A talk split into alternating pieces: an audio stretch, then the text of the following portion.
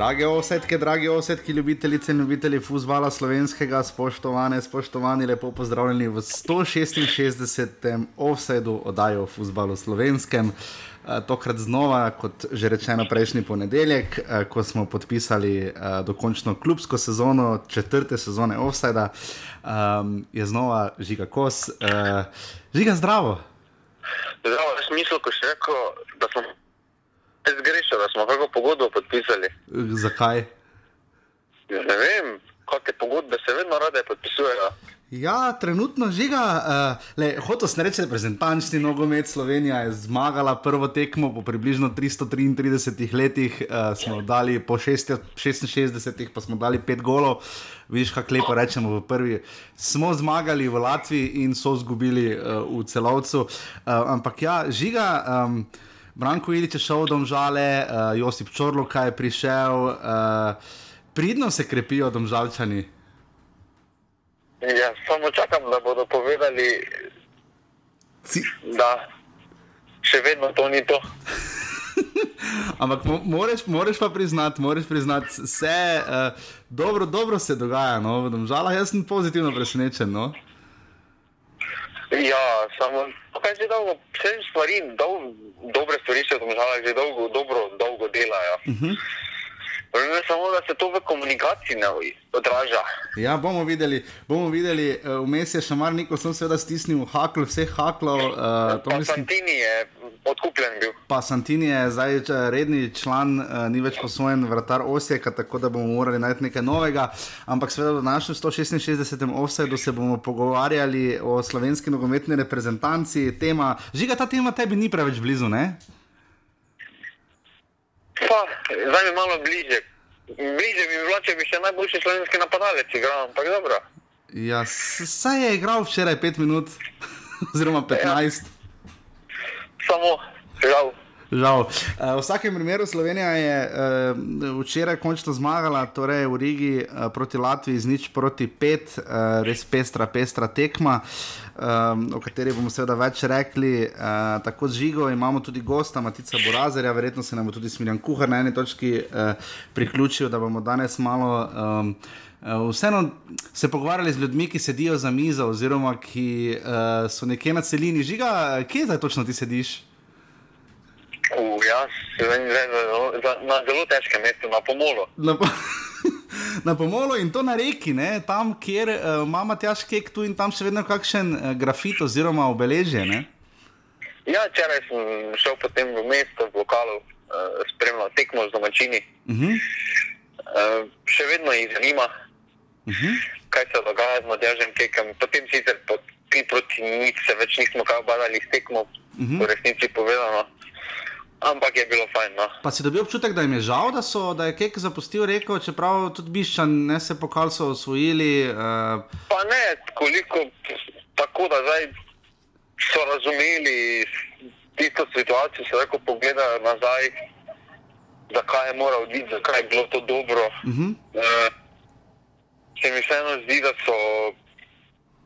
Da tu ljudje pač razumejo nogomet in da potem razumejo določene situacije kdaj, zakaj, kako. Eh, in mislim, da bodo ga veseli, če bo pot njihova spet prekrižala, ampak mm -hmm. da mu bodo večno hvaležni, kaj je naredil. Mm -hmm. Rekel, no. ja, dobiš pivo ali bevando za ston, če rečeš ti očastijo, če rečeš, da si z Maribora? Ja, kako vem, da manj sem včeraj plačal, no, tako bom rekel samo. no, super. Uh, hvala vsem tistim, ki nas seveda podpirate uh, na urbani.si pošiljnica offside, uh, ker nekaj se vas je nabralo uh, v zadnjem času znova, uh, hvala tudi Primožu na zadnje. Uh, Pa še marsikomu, tudi Mihi, res vsi tisti, ki bi to radi redno uh, počeli na urbani.si, pošiljnica offside, uh, pripravljamo uh, uh, čim bolj udarno in še bolj uspešno uh, oddajo za novo sezono. Um, bomo videli, kakšna bo uh, do takrat. Mi da bomo po tej oddaji imeli potem pauzo, predvidoma do uh, 8. julija, uh, pa bomo potem videli, kje in kako smo, seveda tekme uh, kvalifikacijske se začnejo 9. oziroma 10 definitivno pa 11. julija, prva liga Telekom Slovenije 13. julija um, in to sta bili seveda še zadnji dve tehniki, ki jih bomo resno spremljali, tudi vse dodatne kvalifikacije so bile odigrane, uh, Dravo grad se uvrstil v drugo ligo, prav tako tudi Koper um, in bomo danes še potem to oddelali. Eh, žiga si bil, fejs razočaran, mislim, jaz moram reči, da uh, sem pričakoval, jaz sem celo napovedal, pa redko kdaj zadanem rezultat, ampak uh, sploh točen rezultat, tokrat sem rekel, da bomo verjetno dve proti nič izgubili, kar se je potem tudi zgodilo. Um, Um, bolj znam poraze napovedati kot zmage. No. Uh, jaz nisem bil toliko razočaran, kolikor. Um, pač predvsem prva tekma, prvi polčas v Avstriji je bil res slabno. Uh, predvsem pa Avstrijci niso bili tako dobri, kot smo mi dali potem možnost, da so bili dobri. Pa, dobro, treba razumeti eno, da ena Avstrija je za nas Španija. No. Uh, po delu z mladimi, mm -hmm. na koncu se to vse skupaj odraža, no. vse na to mm -hmm. težko gostovanje, mm -hmm. od katerega bi bila točka že uspeh, eh, tri točke pa je bile tisto, ko na doben sploh ne računa na te tri točke. No. Uh, če pogledamo njihov klubski nogomet, to so, to so take sote denarja v tem nogometu, avstrijskem. Da je več kot očitna razlika pri Maravi Sloveniji. Ja, definitivno. Tako zdaj pa gremo v drobovje uh, tretjega in četrtega kroga skupine G, kvalifikacijske skupine za Evropsko prvenstvo 2020.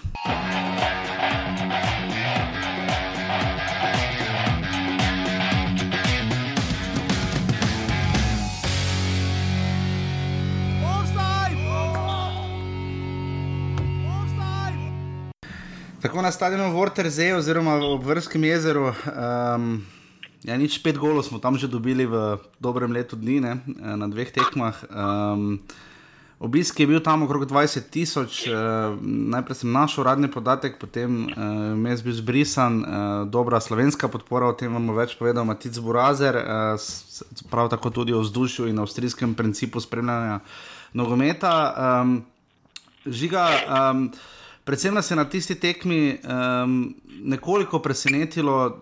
Zlasti to, ne toliko postava Matjaža Keka, ko igra reprezentanca, nekako se mi zdi, da MMC že v sredo četrtek objavi, predvsej točno je na esterico, ampak predvsem težave, dobro, da je imel Petr Stojanovič težave z Davidom Malabo, dobro, recimo, da mu še pogledamo skozi prste, čeprav včasih se v težave spravi tudi sam izrazito slaba predstava Jake Biola. Vemo, da je fant mlad, vemo, da je bil to debi na taki sceni, ampak res slaba predstava. Odrezali so Josipa Iličiča, ampak hkrati dal časa, kot so že prej omenili, Avstrijci niso dali občutka, da bodo. Um, da bodo toliko zmogli. No? Parno, štiri gole smo seveda dobili uh, na vrtu stadionu, uh, tri takrat pa enega, tokrat Burgstaller je zadev v 74 minuti 19.200 gledalcev.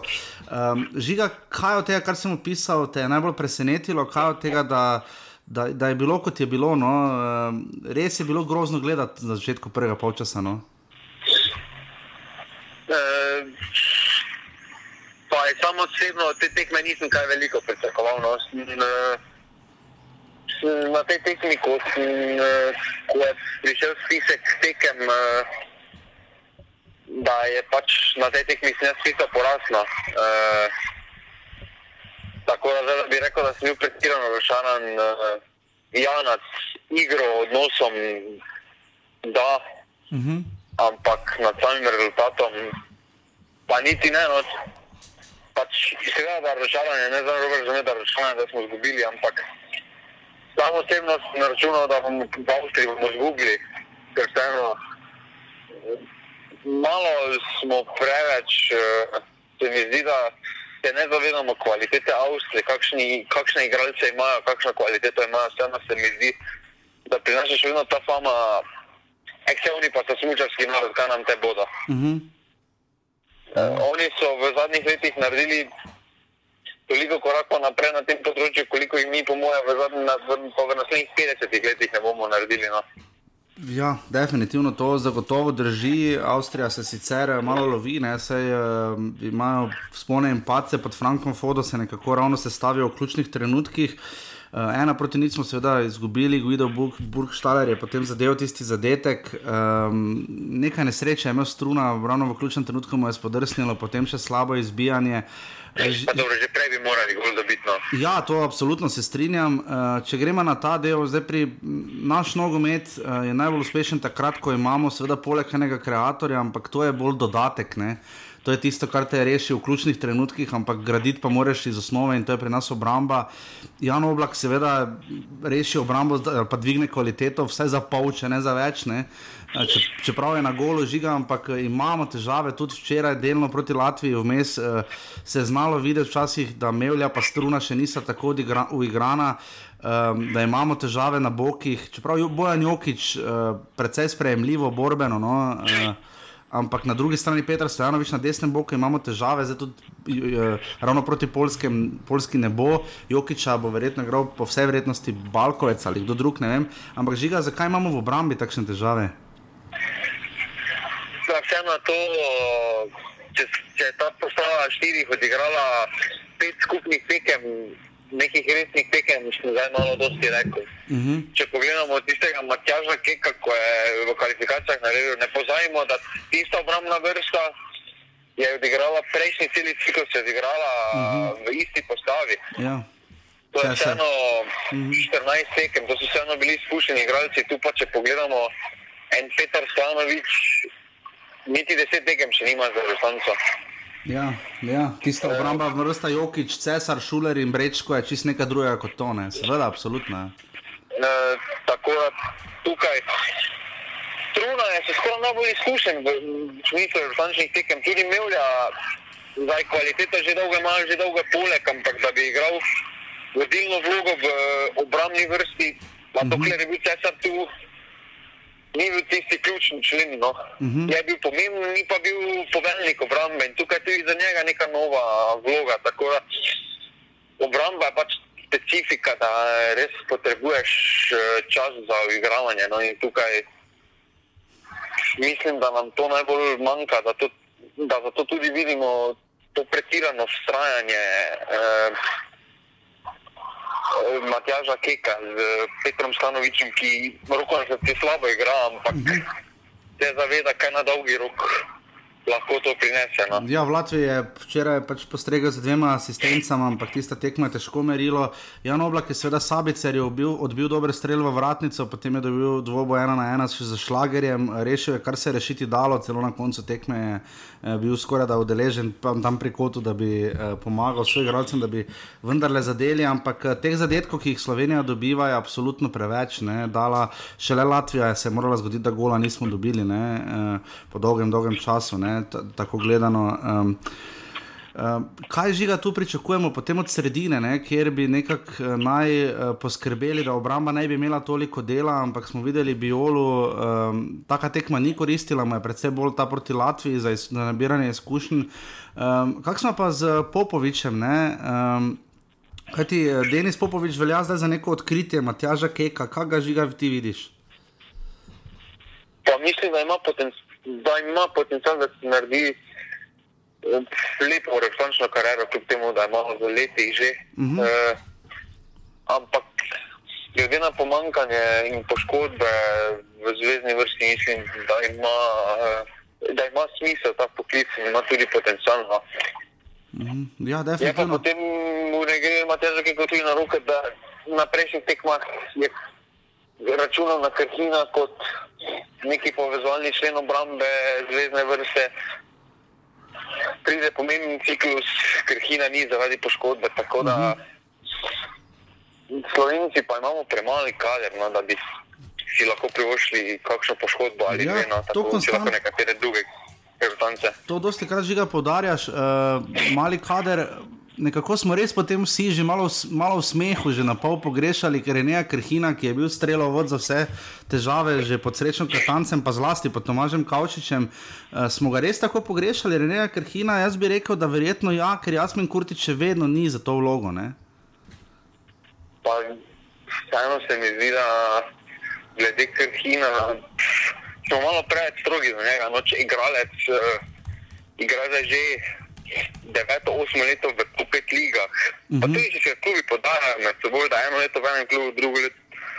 Če, ne, če en klub iz top 5 lige na tako dolgo opazi neko kvaliteto, ki bi Krkin lahko prinesel v klubu, mislim, da pač je treba priznati, da smo se pač motili glede ženja Krkina in da ima.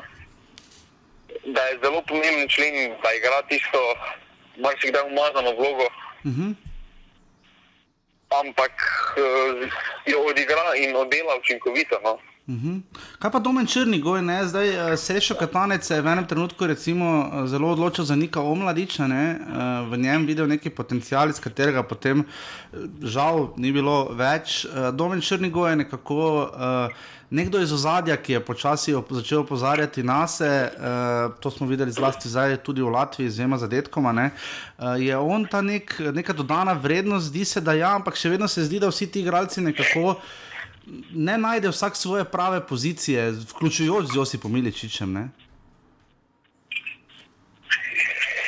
Uh, to sem tudi že uh, omenil, da glede mene, uh, Glede teh pozicij se v Sloveniji uh, malo preveč obremenjujemo, bom tako rekel. No. Uh -huh. uh, zdaj, če daš enega pa to zdaj spet malo toplim, ampak če še enega meseca igrati s tem 4-2-3-1, bo enako stopa kot s tem 4-3-3, pa če ga daš na levi bek, pa če ga daš na mesto. No, to razumem, ampak dosti krat se zgodi, da ravno domen črni goj pride tisti, ki pride na strel. Ne? To smo videli že v Izraelu, pa Makedoniji, pa celo proti Avstriji, pa še zdaj proti Latviji. Ne? Nekako igralec, ki bi najmanj naj bil tisti, ki je na vrsti za strel, njega ravno navrže, ampak to je pa že skoraj del taktike in treninga. Ne? Pa tukaj je bolj uh, posledica našega sistema, da uh mhm. -huh. pač napadalec kot napadalec uh, služi kot samo za širjenje uh, linij, uh, potem pa igralci iz drugega plana, kot so Josip Piničič, uh, Domen Črnigoj, Verbič, uh mhm. -huh. lahko prihajajo do izraza. No, ker imamo, imamo za napadalcem večjo kvaliteto kot v napadalcu. No. Ja, definitivno. Daj, če smo že tu žiga, uh, začeli tekmo Andraš Porar, se je potem poškodoval. Robert Berič je bil zelo slaba tekma. Ja, pred zelo, zelo slaba, uh, predvsem fizično se mi zdi, tu je videna vide, vide razlika med Slovaško ligo in pa tako pač kvalitetnim nivojem kot uh, sta Dragovič in pa Hinteger. Um, in se mi zdi tu žiga, da uh, je potem Berič bil tisti, ki je vstopil v igro in pokazal, da je bolj potenten, enako se je pa zgodilo potem tudi v Latviji, ne, ker je Luka Zahovič na koncu pokazal sklopine, kako bi morali igrati brez napadalca spet ker to smo že igrali. Pa, ne, to je malo nehvaležna vloga. No. Šporar je imel, šporar ni, Berič je vseeno imel uh, solidno tekmo v Latviji. Uh. -huh. V smislu, pa, ampak uh, medtem ko je šporar, vseeno ta razlika, da je tudi v igri je več slabšega naredil za nas. No. Uh, je pa potem za napadalca tipa Luka Zahovič, ki stopi v klopi, zatem ko igra veliko časa, preigra Robert Berič, ki je malo bolj fizični napadalec, ki utruja obrambo. Uh mhm. -huh. Veliko lažje je za Luko potem stopiti uh, noter kot Joker. Ker je rad išče to globino, Latvijci, Latvijska zadnja vrsta za roko na žrtve, niso največji biseri v teku, uh mhm. -huh. v hitrosti. Uh, in tu je naša to rešitev. Mogoče za tekmo proti Latviji bi bila zelo zanimiva kombinacija Berič in Luka Zahovic skupaj. Berič uh mhm. -huh. kot si draž, Luka Zahovic pa svojo kvaliteto s tekavanjem. Uh mhm. -huh. Bi tudi lahko prinesel novo rešitev. No. Ja, ker se ne odločajo naši selektori praviloma za dva napadalca, čeprav se je včeraj videlo, ko je vstopil eh, Zahovič in tam podal Berič, sicer je bil offside, ampak. Uh, sta se kar, kar ujela. Um, predvsem pa nosilci igre, zdaj nekako skozi uh, Ligo narodov je nas zelo opozoril Miha Zajc. Ne? Uh, ima desetko, pač meni je na verbiču, tokrat že nismo videli, kot tudi ne Reneja Krhina. Um, Miha Zajec včeraj potem tako na nadaljevanju zabil, za, še tisti peti gol, uh, ga pa praktično ni bilo proti Avstriji, res slaba tekma. Um, lahko še vedno na njega računamo kot na nekega tega ne, naj, ne najbolj nujno vidnega, ampak vseeno nekega ustvarjalca na igrišču, ker se je to že znalo dokazati v preteklosti. Ne? Ja, mislim, da vseeno ima kvaliteto več. No. se pravi, mi nismo v položaju, da bomo igralce s kvaliteto več po par slabih tekmah uh, zavrgli. Uh -huh. uh, bomo pač trajali. Uh, podobna situacija kot v klubskem nogometu, tudi v Zančino. Uh -huh. uh, igralce, katere imaš. Je pač treba pripeljati samih, moraš zvigniti, moraš pripeljati do tistega nivoja. Zdaj samo ed, največja škoda je ta, da v Ligi narodov ni imel Matjaš Kek teh 10-8 yeah. Ja. tekem yeah. Ja. za pripravo, za večje razkovanje, da bi vržen takoj v kvalifikacijski cikl, ker se vidi, da se eno poskuša najti prav mešanico mladih, starih no, in uh, tistih 8. Deset tekem z prijateljem bi več kot prav prišlo selektorju, no, da bi lahko v kvalifikacijskem ciklusu res naredili tisti puš, da pa ta kvalifikacijski ciklus mi, v bistvu mi izkoriščamo za spoznavanje tega, kaj se dogaja na novo. No. Ja, ker tu tudi menjave nekaj povedo, ne, da je Bohar znova stopil, recimo tudi uh, v Avstriji, pa Žan Majer včeraj v Latviji, kaj nam predvsem to pove in Majer in Popovič, da Kek očitno še pušča vrata odprta, ne, predvsej tudi zato, da bo jih očitno uporabljal. Ne vem, kaj to pomeni. Pa Matjaš Kek se tudi eh, ti pa išče eh, še tisto svojo pravo kombinacijo. Na koncu tudi vemo, da Matjaš Kek je kot trener in kot selektor in kot uh, trener reke je rad posegal stalno po enakih menjavah, enakih zasedbi, da je veljal kot neka konstantnost, uh, je imel rad to konstantnost. No. -hmm. In tukaj pri teh menjavah se vidi, da trenutno še nima jasne slike eh, kdo, kdaj, zakaj. Eh, in to, nas, to mislim, da je, to je tisti mali, mali svič, ki nam še manjka do višjega nivoja. No. -huh. Uh, gremo kar tako še na tekmo za Latvijo. Uh, žiga, tu je v bistvu 4000 gledalcev se zbralo, kar niti ni tako malo, glede na stanje latvijskega nogometa. Sicer meni včeraj ni bilo blizu uh, skoraj da norčevanje ali pa. Uh, neravno laskanje baltskemu nogometu, ne pozabimo, eh, Litva nam je povzročila hude probleme uh, v predprejšnjih kvalifikacijah, srečo Katancu 2 proti 2. Estonija je pošteno zagrenila življenje Slovenije v kvalifikacijah za Evropsko prvenstvo 2-12 in v bistvu Matjaža Keka dala Aleksandru Čeferinu legitimno možnost, da se Keku odreče, eh, tako da baltski nogomet vendarle, to je približno tako, če bi sodili balkanski nogomet trenutno po Kosovu, ki ima sicer vrhunske rezultate. Ampak rezultat žiga je vseeno presenečenje, glede na to, da sploh vemo, da Poljaki eh, so se delno kar malo namučili z Latvici, zdaj imajo pa kar naenkrat 1-13 gol razliko, so popolnoma odpisani. Slaviša Stojanovič je bil po tekmi kar poklapan, eh, pričakoval je precej več, potem se je še Maksimenko poškodoval v 16 minuti. In, um, Latvijci so imeli hude težave in so v tej skupini praktično odpisani. Lahko upamo, da bodo oni vseeno komu odškrnili točke, čeprav po, po videnem zdaj je to hudo, malo verjetno. Ne?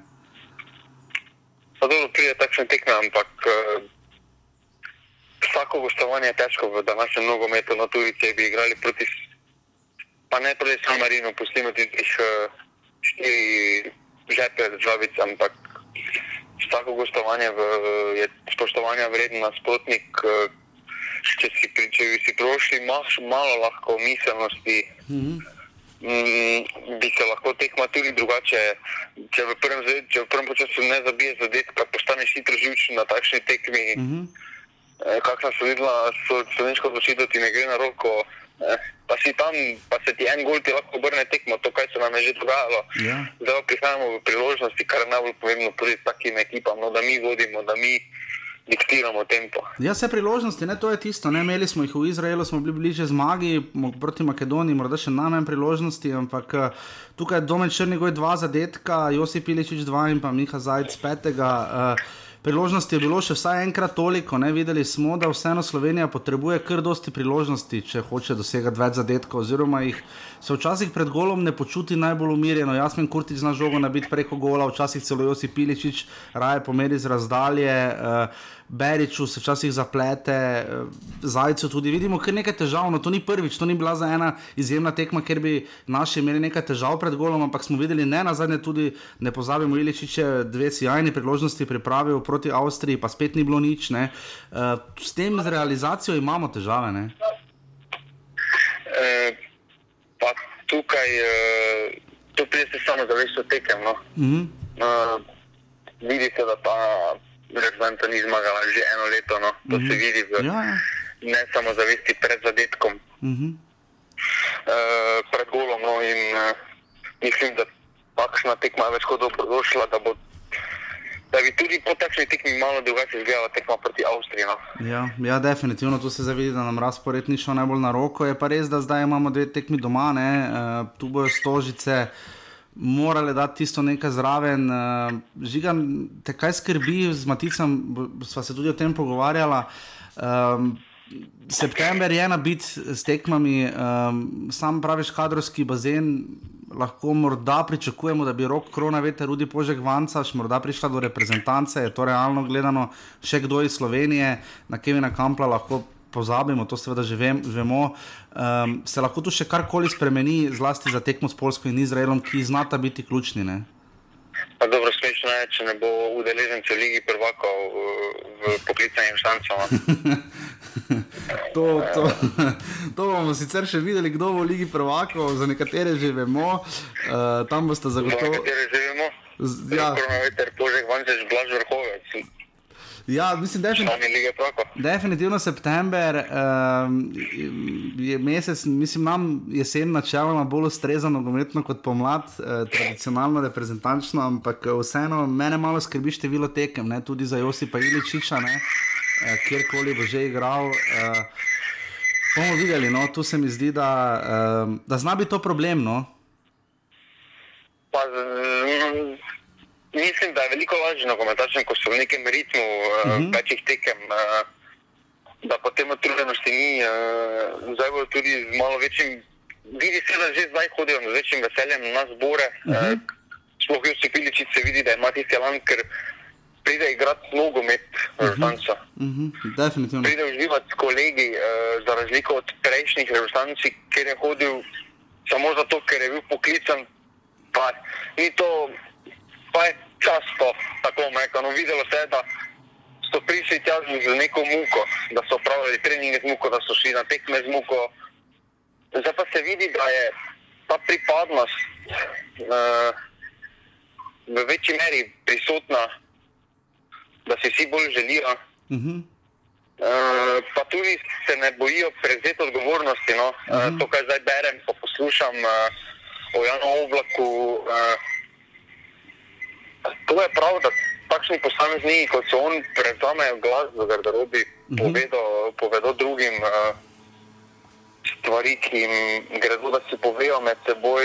Uh, ker Slovenija je bila najboljša takrat v vseh športih, ko je imela vzdušje. Ko Ja. vzdušja ni bilo, rezultata tudi ni bilo. No. Pa liderje rabi, ne, zato je Kek rekel, da tako kot pogreša ta izjava, bo verjetno podpisala uh, zase tekmo za Avstrijo, da ko ne gre, potrebuje igralca, ki bo seveda tu znal povedati, pa malo udariti po mizi, trenutno ga ni, včasih Josip Piličič. Se zdi, da malo obupa, kar ga jaz ga na človeški ravni popolnoma razumem, ne da mu je vseeno, ampak pač več kot to ne more narediti. Ne? Kultna akcija v celovcu je bila tista, ko mu je oblak podal čez celo igrišče, ne? ki je kar dosti poosebljala to, kje Slovenija po individualni kvaliteti je. Ampak uh, ravno to, ta neka liderstvo, to še vedno ni navrglo in bomo videli, kaj bo septembra prineslo v tej žiga precej. Ne bomo rekli, kvalitete ta skupina zaenkrat neke velike ni pokazala, je pa precej nepredvidljiva, oziroma ogromno golo je. Ne?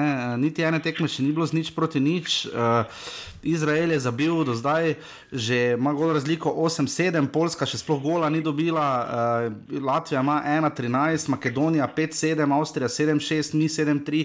Ogromno golo je za, za štiri kroge reprezentančnega nogometa. Ne?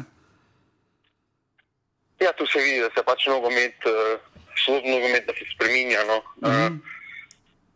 v Sloveniji še je nekaj, par, še je par tekem, eh, nič proti nič, druge pa ste že vidi, da, se, da praktično ni več tekem, ko ni zadetkov. No. Uh, tukaj pa so se mogli glede liderja, da pač neki rojen lider se mora roditi na sredini, no. uh, tisti centralni vezis, ki povezuje. Josip Iličič to tudi ni, no, že zaradi karaktera, že zaradi uh -huh. uh, pozicije, ki jo igra. Razen uh, zdaj Mesija, pa nekaterih ekstra posameznikov, kreator igre, taki virtuos, niso bili lideri ekipe. No. Uh -huh. uh, dodaja samo tiste kanček več, ampak uh, zmeraj pa so lideri, glava, srce ekipe, pa so zmeraj na sredini. No, če, pri, če samo primerjam z Maribora, Željko Filipovič, potem za štance Robert Koren, Aleksandr Pravoslavljevič, to so bili igralci, ki so vodili ekipo, pa so potegnili, ko ni šlo. No. Eh, Nikoli ni takrat Walter Birsa potegnil, je naredil razliko s tisto potezo več, ampak lider pa se mora roditi na sredini. No, in tukaj mislim, da je treba čakati z biolom, no, uh -huh. ker, ima, ker ima ta potencial, da bi lahko bil za naslednjih 10-12 let naš lider. No. Mhm, Ima pa neki potencial, očitno domen črni gojče, mu je bojen jokič čistil kopačke po golo. ne? Bomo videli. Ja, samo vseeno, njegova vloga je že malo više na bornem igrišču. Mm, ja. Tudi ima potezo več, eh, tudi lahko potencialna rešitev za lidera skupaj z Biolom. Mislim, da bi tvorila dober centralni par. No. Eh, Tako da mislim, da lahko tudi v tej smeri eh, bi morali razmišljati, no, mogoče malo. Mhm. O tem torej, um, krogu je um, v petek Slovenija seveda izgubila z ena proti nič v celovcu, Makedonija je izgubila doma za Polsko, Piatek nadaljuje svoj dober reprezentančni niz, uh, Poljska zmagala na to še projski areni ena proti nič in pa Izrael za Havija zabil hat-trick. Uh, V Latviji to že njegov drugi hetrik, mimo grede v teh kvalifikacijah. Eh, Človek je res nenormalno razpoložen, ima sedem golov, eh, torej eh, od osmih izraelskih, eh, potem pa včeraj eh, Severna Makedonija, ena eh, proti štiri za Avstrijo. Žiga ta rezultat je, glede na potek dogodkov, vseeno malo presenetil, glede na to, da so Poljaki za dve tekmi doma izgubili. Ne? Mislim, Poljaki, Makedonci. Pa tu imata, Avstrija pač ima večjo individualno kvaliteto, Makedonci ima, igra, igrajo malo bolj na navdih, no, ko jim gre in gre, ko pa jim ne gre, pa so tako kot druge te balkanske oziroma vzhodne države, se jim pač poruši vse, pade vse, v- pošljejo vse po domače. Mhm. Ja, in še. In pa je konec tekme za njih. No. Ja, in tu je še bolj v bistvu presenetil, glede na potek dogodkov, tudi Poljska 4 proti nič v Varšavi premagala Izrael, uh, ki je predtem kazal dobro formo in s tem Poljska je praktično že razred zase. Zdaj, žiga lahko reč, mislim, naslednja tekma je ravno doma v Stožicah proti Poljakom. Ne? Uh, oni si bodo potem, če tu zmagajo, so potem že mislim, da avtomatsko naprej, ne? uh, skoraj dano, glede na potek dogodkov. Uh, Če hočemo kaj iz tega ciklusa še potegniti, je remi res minimalno zelo, ja. uh, minimalni cilj, medtem ko pa je zmaga že skoraj dan nuja. No. Ja, Doma je treba točke zbirati. Uh, Ja. zdaj tisti prvi dve tekmi nas bodo kar tepli. No. Uh -huh. Je pa res škoda, no, da skoraj da tisti dve prvi dve tekmi v ciklusu na težki knjigi imel prijateljskih tekem. No. Ja, res to, to definitivno. Več o tem uh, pa bo zdaj povedal Matic Burazer. Ja znam, ja znam I u nedelju ćeš ostavit me sam I ja ću izgubljena lutati Tako v čas veselja in ponos nam je, da gostimo Matica Burazerja, uh, sicer tudi športnega komentatorja uh, na športklubu, uh, kot tam vidite ali slišite, uh, sicer pa tako kot marsikdo v našem offsajdu, uh, velik uh, nogometni navdušenec. Uh, Matic, dober dan, dobro jutro. Dobro jutro, dobro jutro, še hvala za vabilo. Ja, veš dan, z veseljem. Uh, Matic, bil si v celovcu, uh, bomo malo obdelali terensko gledano. Uh, kakšen je bil ta občutek, uh, o katerem je še včeraj v Latviji, o teh eh, 3000 navijačih uh, govoril Matjaš Kek, tudi Osi Piličič jih je omenjal.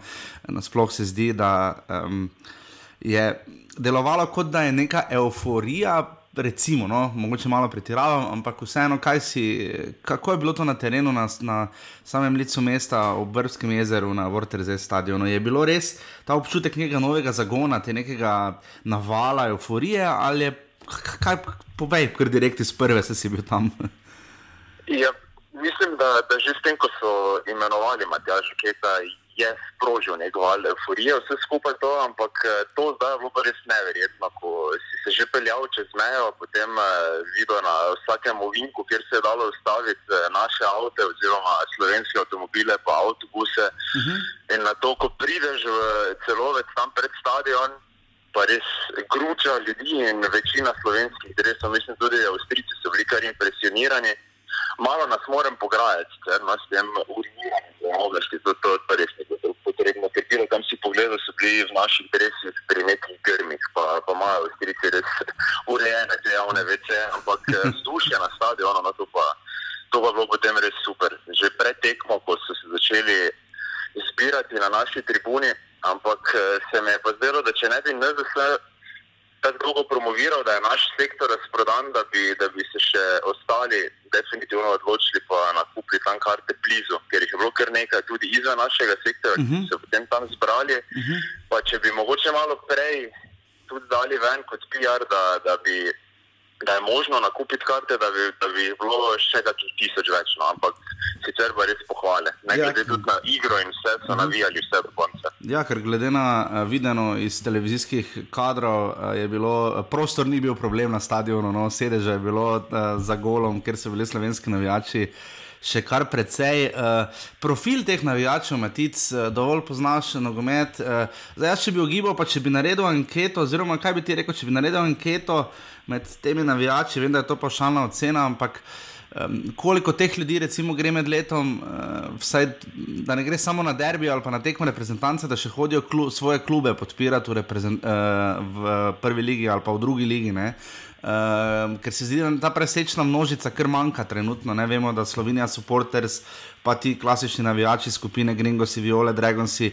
Um, kakšen profil navijačev je to? E, ja, niso to bili tisti navijači, ko, ko je naš selektor rekel, je bila to mislim, da prva tiskovna ali potem enkrat naslednja, da, da ima rad, da se več zakadi. Uh -huh.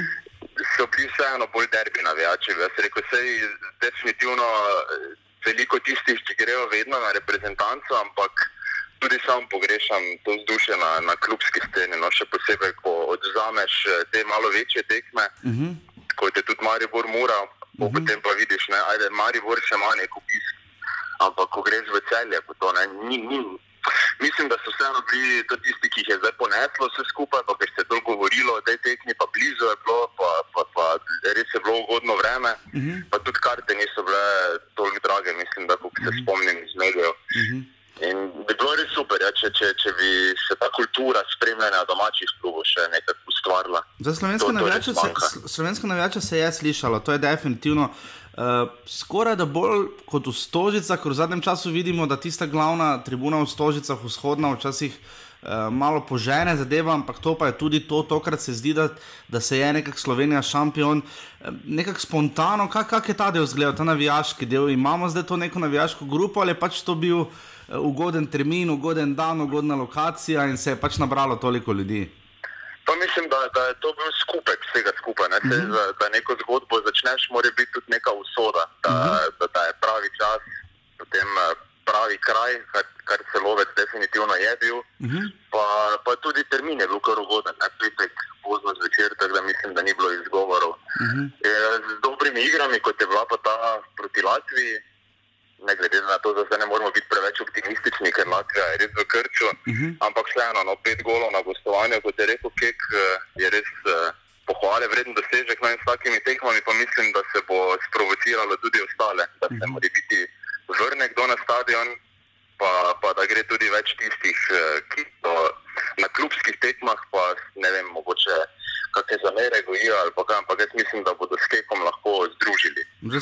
Zdaj, pa rezultatov v Skopju včeraj ne zna biti, da bo na koncu prav Avstrija tisti naš nekak glavni tekmec, ne, če odzamemo seveda tu tako Izrael kot Makedonijo. Ne. Um, sam sem bil lani na tisti prijateljski tekmi, prvi Tomaža Kavčiča, 3 proti nič, 5 golov smo dobili že v celovcu, ne na dveh tekmah, uh, kjer reprezentanca redko igra, ne, to so tudi avstrijski navijači napisali, da pač naj bodo, da so domače tekme tiste prave, res samo na Erenshaplu na Dunaju. ne. Um, ostali, ostala publika je, Avstrijci so pač zelo specifični, kar se tiče navijanja, pa tudi sicer. Kakšno je bilo vzdušje tokrat na Vrterzu stadionu, ko si tam je glasneje, stadion je pač kar zaprt, čeprav zelo aluminijast in pač takšen, kakršen je, ne malo montažen, ampak eh, si dobil občutek, eh, da so Avstrijci res živeli za to tekmo, navijali, da je bilo nekaj vseeno na boja kot z naše strani ali ne? Ne, ne, mislim, tudi mi smo se, novinarji novinari pogovarjali, da, da je res čudna odločitev, da so dali tekmo, ki jo oni morajo dobiti in bi nekako je mogli tudi igrati na krilih navijačev v uh -huh. celovec. Tako kot si rekel, stadion je res instant uh -huh. za, za velik turnir narejen, ampak zgleda ok, no, narejeno je vse vredno, tudi uh, medijsko središče, pa vse se zdi. Ja. Yeah. Mhm. Meni men se zdi vse super, no. uh -huh. ampak vzdušje samega, pa vse speaker se je trudil, čeprav tista njihova klasika, da mora biti speaker še na kameri in vse na, na zaslonih, se mi zdi, da je bolj zase tam promocijo delo kot pa za futbol. Uh -huh. Ampak eh, ne vem, no, tudi ob priložnostih ni, ni bilo glih tako, da bi oni zavreščali na polno. Bi se dalo dosti boljše. No. Mislim, da so naši navijači pokazali, kako kak se to naredi.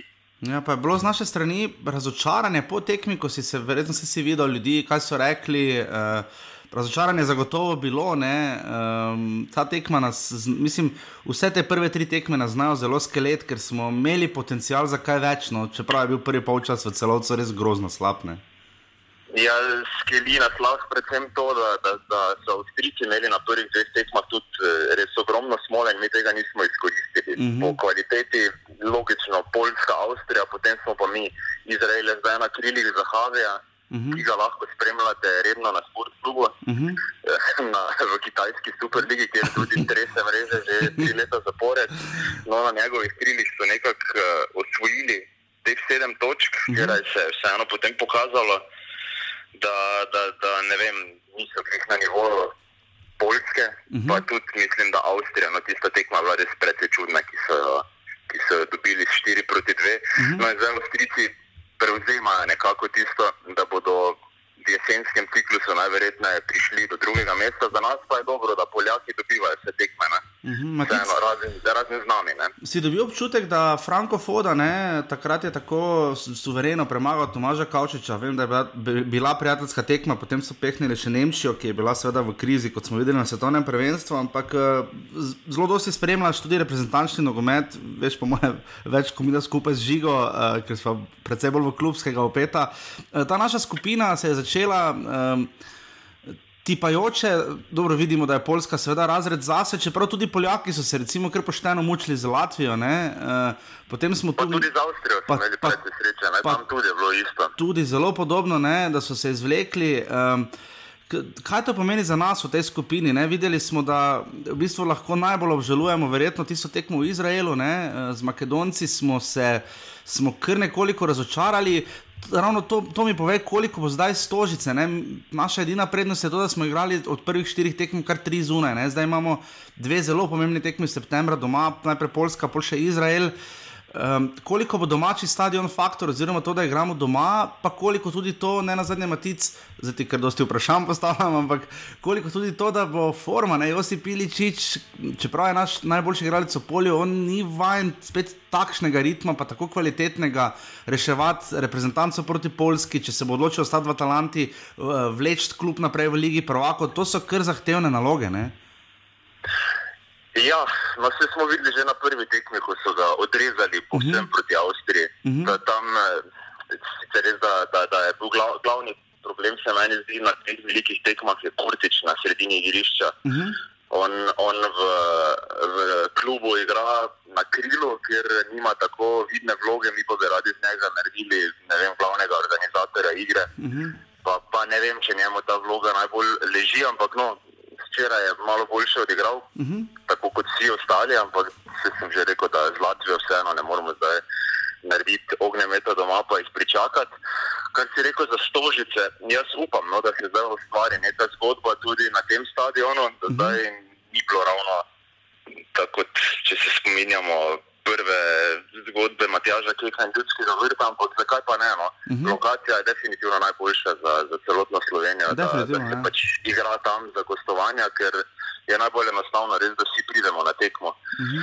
Ampak eh, ne vem, mene, mene stožice še nikoli niso zares prepričale, da je lahko tako bučno tam kot na ljudskem vrtu. Uh -huh. Tudi naprimer zdaj na finalu pokala v celju mi je, mi je bilo fantastično. Ja, super, to je bilo. Ja. Mhm. Privrženec tega stadiona nikoli nisem bil, ker zgleda tako, da so ga gradili 30 let, pa so vsakič eno tribuno dodali, ampak zdaj je bilo super no, Mhm, na, na finalu pokala. Pa kaj sva še rekla za prvo tekmo Avstrija, tista prijateljska? Ja, razlika zato- je ja, bil kol- Jan Oblak. Mhm. To, je, to je tisto. Ja, On je zdaj imel definitivno. res tisto prvo tekmo v slovenski reprezentanci, ko ni branil samo tisto, kar mora braniti, Mhm. ampak je še nekaj več dodal, ker bi se lahko hitro zgodilo, da bi, da bi tudi v prvem polčasu bile dve žogi Mhm.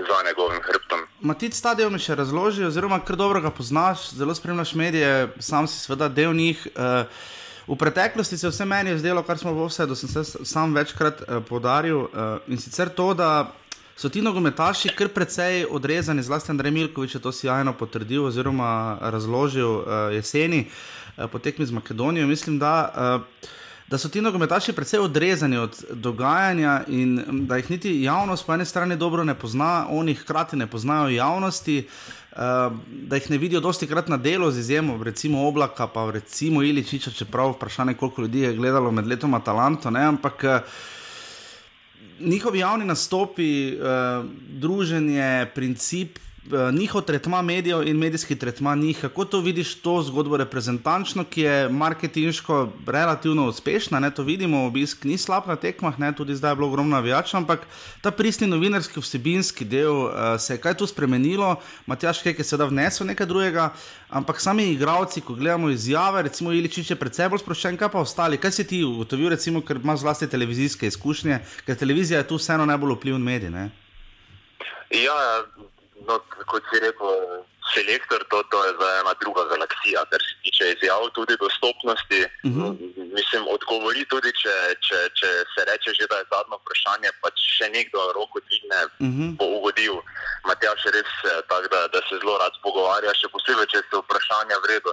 Tudi če, če so kakšna taka, ki prejšnjim selektorom ne bi bila všeč, on eh, vedno se potrudi odgovoriti strokovno, kar, kar je res eh, super. Uh -huh.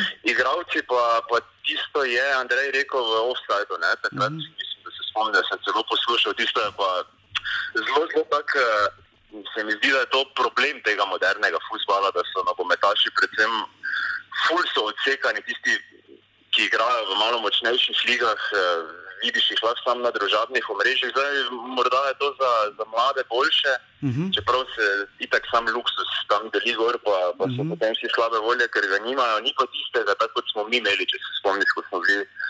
Uh, v osnovni šoli, ko si gledal Zahoviča, te, Ja.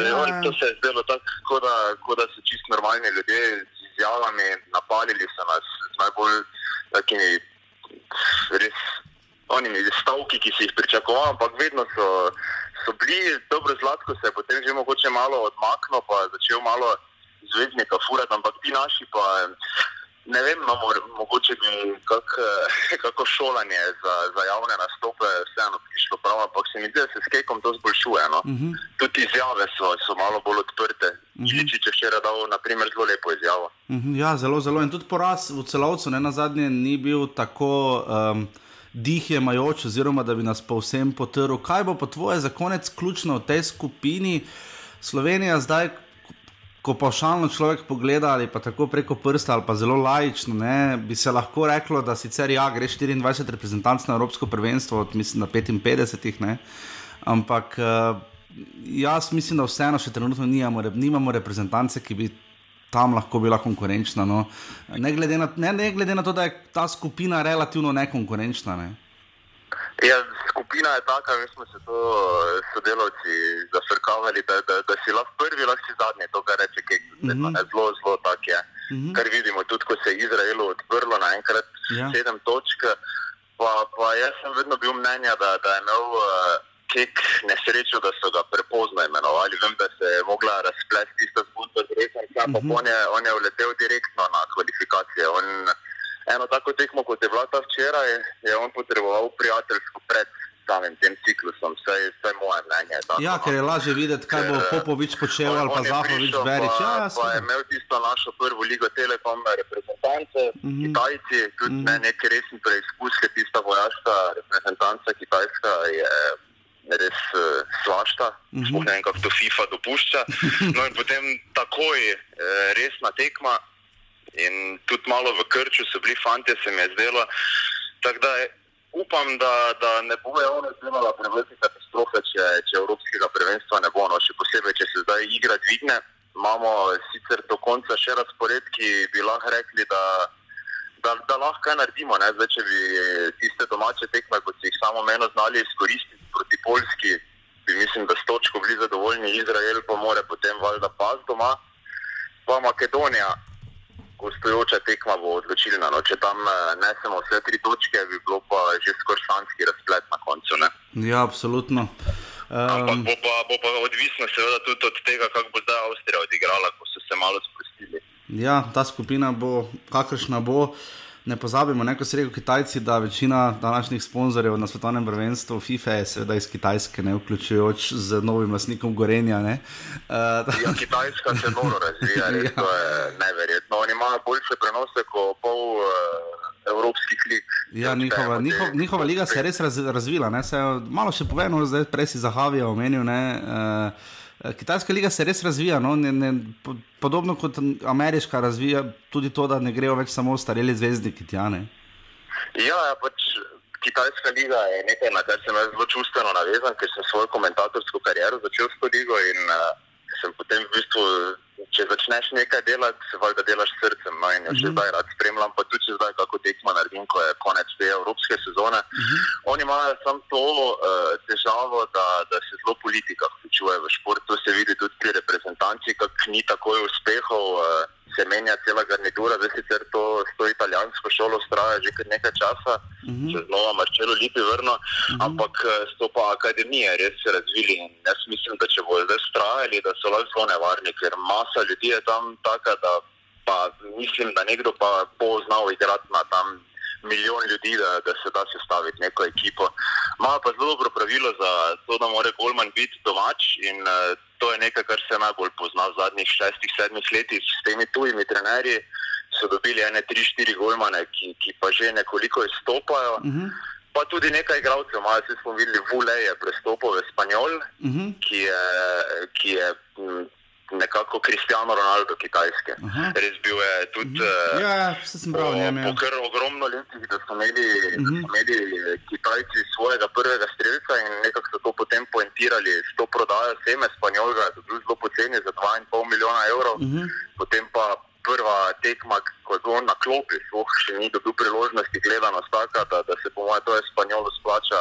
Že s tem, da so vložili ta denar v njega, ampak jim pa še dosti hvali. Ni to, Ja. ni to Japonska liga, naprimer, kjer eh, se Japonci držijo tistega, kar so si zač- začrtali, še zdaj sodelujejo z brazilskimi klubi in ne menjajo. Mhm. To je po mojem glavna razlika med Kitajci in ostalim svetom, da oni bi imeli instant rezultate, zato tudi ti superzvezdniki, Mhm. naprimer eh, Japonci pa Korejci pa vztrajajo pri, pri svojem in imajo tudi reprezentančne uspehe. No? Ampak mislim, da Kitajci bodo v naslednjih desetih letih na kakem velikem tekmovanju. Ja, in smo prišli do konca uh, okrog sveta, ne, namreč uh, omenil si, omenil si Japonsko, ne, tam je slovenski nogomet pustil kar nekaj pečata, ne, nazaj Marjan Pušnik je bil tam trener, tudi Zlatan Ljubljankič je tam brcal, ne.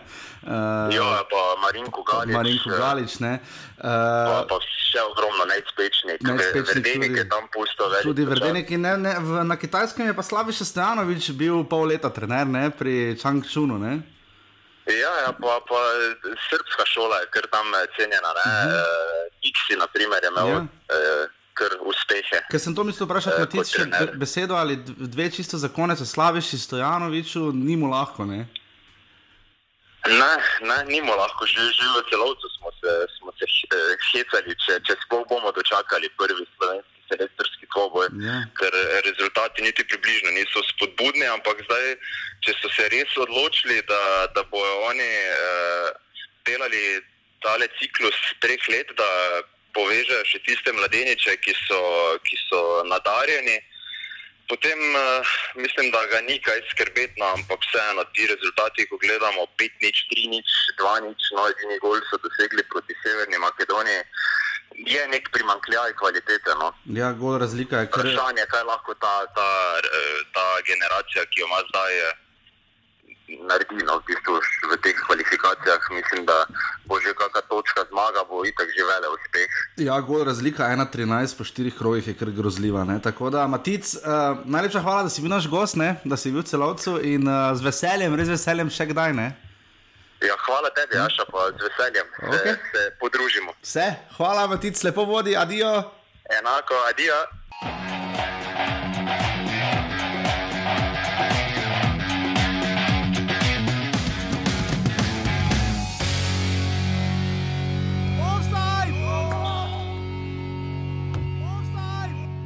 Hvala Maticu, Burazir, da je bil naš gost. Um, žiga, um, zdaj sledi premor, uh, Ker dolga sezona je bila, ne? in da smo se vrnili uh, februarja, uh, zdaj smo že globoko v juniju. Um, Dobro, mi smo Zlatka Zahoviča prizorila. To je res, to je res, to, to definitivno drži. Uh, pestra Samo sezona. brez žaljenja. Samo brez žaljenja. Tudi to drži. Uh, pestra sezona, uh, reprezentančni nogomet, kot rečeno, se do septembra, potem poslavlja dve tekmi sta septembra, dve oktobra in pa še potem dve novembra. Takšen je pač zdaj cikel, uh, jeseni bo ogromno nogometa spet. Uh, Tistega, kar je ključnega, čeprav v bistvu še bolj ključno v poletje, zdaj bomo videli, spremljali bomo um, sproti uh, in potem nekako julija, upam, da nadaljevali uh, v polni uh, postavi. Um, Dino Štiglec je zapustil Olimpijo, ne? uh, za tiste, ki spremljate prvo ligo, šel je na Polsko. Ne? Um, Boga, Oliver Bogatino je, kot so že napovedala, prišel v Maribor iz Aluminija. Jaz mislim, da je to predvsem za Aluminij škoda. No? Pa mislim, da Bogatino je moral narediti korak naprej. No. E, tukaj pa tudi mislim, da je Maribor e, začel posnemati e, domžalski sistem, no. ker uh -huh. Timo Nožman je pozdravljen, tudi prišel kot. Ja, ja, vem, vem. e, kot vodja nogometne šole in je potem pravi slej, je prevzel prvo ekipo. No. Ja, tudi Arne Javornik je zdaj tam. Ne. Uh, potem Robert, No, mislim, da on nikoli ne bo prevzel. verjetno ne. Uh, Robert Koren je prišel iz, ravno zdaj, ko se je Dravograd končno uvrstil v drugo ligo, je Robert Koren odšel iz Dravograda v celje. To pa je meni kar presenečenje, čeprav vemo, da je Koren seveda igral za celje. Ne. Je presenečenje, ker se je zdelo, da Dravograd dela neko dolgoročno zgodbo, ampak na koncu, če se ti ponudi opcija za višji nivo, uh, Ja. je pač treba zagrabiti z obema rokama. Uh, takšna je pač situacija v današnjem svetu, da malo kdo je takšen, ki neke priložnosti za neki višji nivo ne bi sprejel, no, uh, da bi zaradi neke navezanosti na tisti kraj uh, ostal tam. No. Uh, takšnih je zelo malo. Uh, uh -huh. Je pa res, da tudi najverjetneje ni videl neke potencialne, dolgoročne zgodbe. Mogoče Koren, Robert Koren vseeno je veliko dal že skozi nogometu, ve, kaj, kdaj se zgodba odvija pozitivno, smer, kdaj se kdaj stagnira in uh, je najverjetneje tudi hitro opazil, no, uh, koliko je ura. Ja, večina klubov je že začela priprave ali pa začnejo danes, eh, kar nekaj prijateljskih tekem bo, to bomo seveda vse povzemala eh, pred začetkom deve- eh, 29. sezone Prve lige Telekom Slovenije. Eh, Res so vsi klubi pridno eh, polnijo spiske, Olimpijo čakata, mislim, da dve tekmi, zelo, mislim, z Partizanom pa Zvezdo, če sem prav videl. Olimpiji je treba, da kljub temu, da so naš drugi klub, me njih za Evropo najbolj strah, ne, ne glede ja. na žrepno. Uh, pri Domžalah eh, se zdaj že ve, kdo bo igral mm Mhm. -hmm. neki, neki okrog, neki smiselni kader, že imaš dokončan. Mm -hmm. Pri Muri tudi več ali manj je že vse dokončano, pri Mariboru. Tudi, ja. Tako je tako klasična zgodba, no, uh -huh. pri Olimpiji pa še zdaj ne vemo, ali ostaja Asmir Sulič, Ja. ja. kaj bo z Savičem, uh -huh. kaj bo Vidmar, še vedno nima nove podpisane pogodbe, vse uradno. Ne. Ja. E, to so stvari, ki jih je treba rešiti e, najkasneje maja, Ja. ne, pa, ne, pa, ne pa čakati julija. Zdaj smo že na sredini junija, če tako skoraj da pogledamo. Uh -huh. še pri Olimpiji zdaj ne vemo, kdo bo igral na, kdo bo, kdo bo nadomestil Dina Štigleca. Ja, točno čez en mesec igrajo naši trije klubi kvalifikacije za Evropsko ligo, je 11. julija um, in tu definitivno mora. Bomo videli, če bo še kdo odšel, nekaj zanimanja, seveda za nekatere igralce je. Uh, še kakšen prihod se pa je obeta, ampak definitivno nas tu lahko za Olimpijo zaenkrat kar skrbi, kar se tiče njenih zlasti evropskih tekem. Uh, sicer Je pa pa. zanimivo to še, da se doben klub trenutno še ni posegel po igralcih v Gorici. Ja, trenutno uh, nekaj malega dogovarjam, kolikor vem, je. Uh, mislim, da v Murski soboti obstaja zanimanje, mislim, za Andreja Filipoviča. Uh, ampak zaenkrat so še nekateri igralci pod pogodbi, brali smo lahko tudi v ekipi ta konec tedna nekatere intervjuje in izjave, vidimo, kaj se bo zgodilo. Tudi tem velikonja še ne ve točno, kakšna je njegova prihodnost, pa tudi nekaterih drugih igralcev. In, uh, Tu definitivno bomo videli, žiga, ker igralcev je dovolj, ne, da bi ti igralci bi si zaslužili še igrati v prvi ligi. Ne. Pa ja, tukaj imaš enega osuđa, Filipoviča, Velikonjo, Tudi kolenc, grudina. Ne? Grudina, Sorčan, Lipošek. Ja.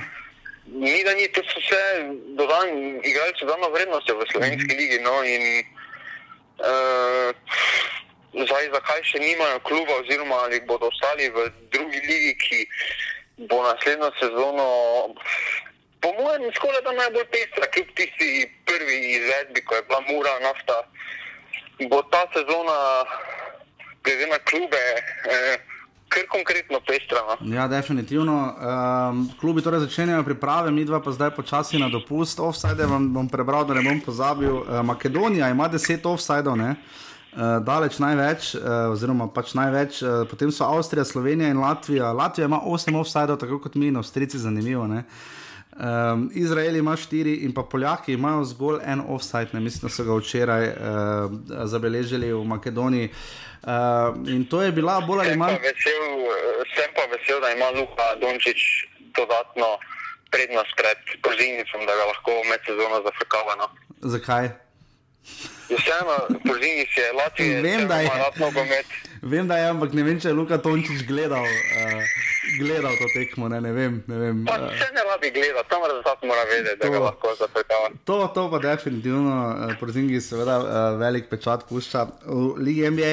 Um, Kaj še reči, pestra sezona je bila, hvala vsem gostom, um, ki so si vzeli čas, uh, hvala vsem vam poslušalcem, vam daleč najbolj, uh, da ste podprli, poslušali, delili. Uh, res dajte meni, jasa, pika, urencicaf na gmail.com ali pa na Twitterju, Facebooku mi pišite ali pa žigi uh, kosu. Um, Predloge, Samo graje, prosim. Ja, njemu samo graje predloge, želje, ideje za peto sezono Offside, ki predvidoma štarta 8. julija. Uh, da si bomo zdaj vsaj tri ponedeljke, imate zdaj prosto. Uh, upam, da je bila ta četrta sezona, sicer s tisto jesensko pauzo, vseeno dobra. Um, imeli smo se fajn, jaz upam, da bo vse napredoval, ker si to že zaradi vas zasluži. Napredovala je torej slovenska reprezentanca, ki je res po dolgem času zmagala, pa sploh v gosteh. Um, in um, pa Damir Skomina je sodo v Turčiji, ne, zelo markantno, ne, na tekmi Turčija, Francija, dve proti nič so Turki zmagali za vikend. Ne. Ja, Damir Skamina na zmanjšem nivoju, eh, rad so takšna presenečenja. Ja, rad, definitivno. Uh, Čeprav ni pliva, ne znam razumeti, ampak takrat je udeležen med takšnih eh, presenečenj. ja, le, bomo videli. Uh, Sodil je najprej v državi Čuneta Čakirja, ne pozabimo, ne? Čunet Čakir je tudi tukaj postil kar velik pečat pri nas v Sloveniji. Uh, tako da to je to, uh, reprezentanca torej nadaljuje svoje bitke septembra proti Polski in Izraelu v Stožicah, uh, mislim 6. in 9. septembra, liga se začne 13. julija, Maribor bo verjetno igral 9. ali 10. bo igral, po mojem, v sredo 10. ampak lahko da bo v torek 9. julija, žreb je 18. junija. Uh, bo Maribor zvedel svoje tekmece, mislim pa, da potem takoj zatem tudi uh, naši trije klubi, uh, torej Mura, Domžale in Olimpija. Ja, oni ob enih zvedo, mi Maribor pa ob 12. Ja, tako nekako. In potem uh, veste tudi prvo ligo, Bravo in Sežana sta prišla noter, v drugi ligi sta pa Dravo, Grat in Koper, tako da drugo ligo bomo mogoče drugo leto spet bolj pestro spremljali, ker se res obeta pestra sezona. Uh, žiga, bi še kaj dodal? Ne, to je to, no. To je to. Je lepo, ne, na obali. Ja, je lepo, ja. Tak, pa da se je sonček že pokazal. Čakaj v vodo. no, to je to. Zato smo zjutraj vstajali. Uh, žiga, uh, če se znajdemo v offsetu. Ja, je konec sezone, žal ne. Ja, je konec sezone, prišli smo do konca. Jaz moram reči, da zdaj, ko ni bilo klubskega nogometa, sem si kar malo spočil, no, ker da lahko potem dejansko delam stvari. Uh, če bi pa lahko ljudje, če bi lahko mi živo živela od tega, uf, kje bi nam bil kraj. ne. Um, tako da to je to. Žiga, kaj, pri, kaj pričakuješ od nove sezone? Na klubske, Ja, pa offside sezone, ne? offne sezone, da bom obiskal več gostočih tekem, Ok. okay. zunanjega osebnega. Eh, In eh, da bomo pravili intervju eh, z domžalskim funkcionarjem, gospodom Matejem Oražom. No, to je to, tudi jaz se tega veselim. Tako da uživajte v poletju do začetka julija in se potem vidimo. Hvala, da ste bili z nami in se slišimo. Adijo! Hvala, Dio. Ja znam, ja znam I u nedelju ćeš ostavit me sam I ja ću izgubljena luta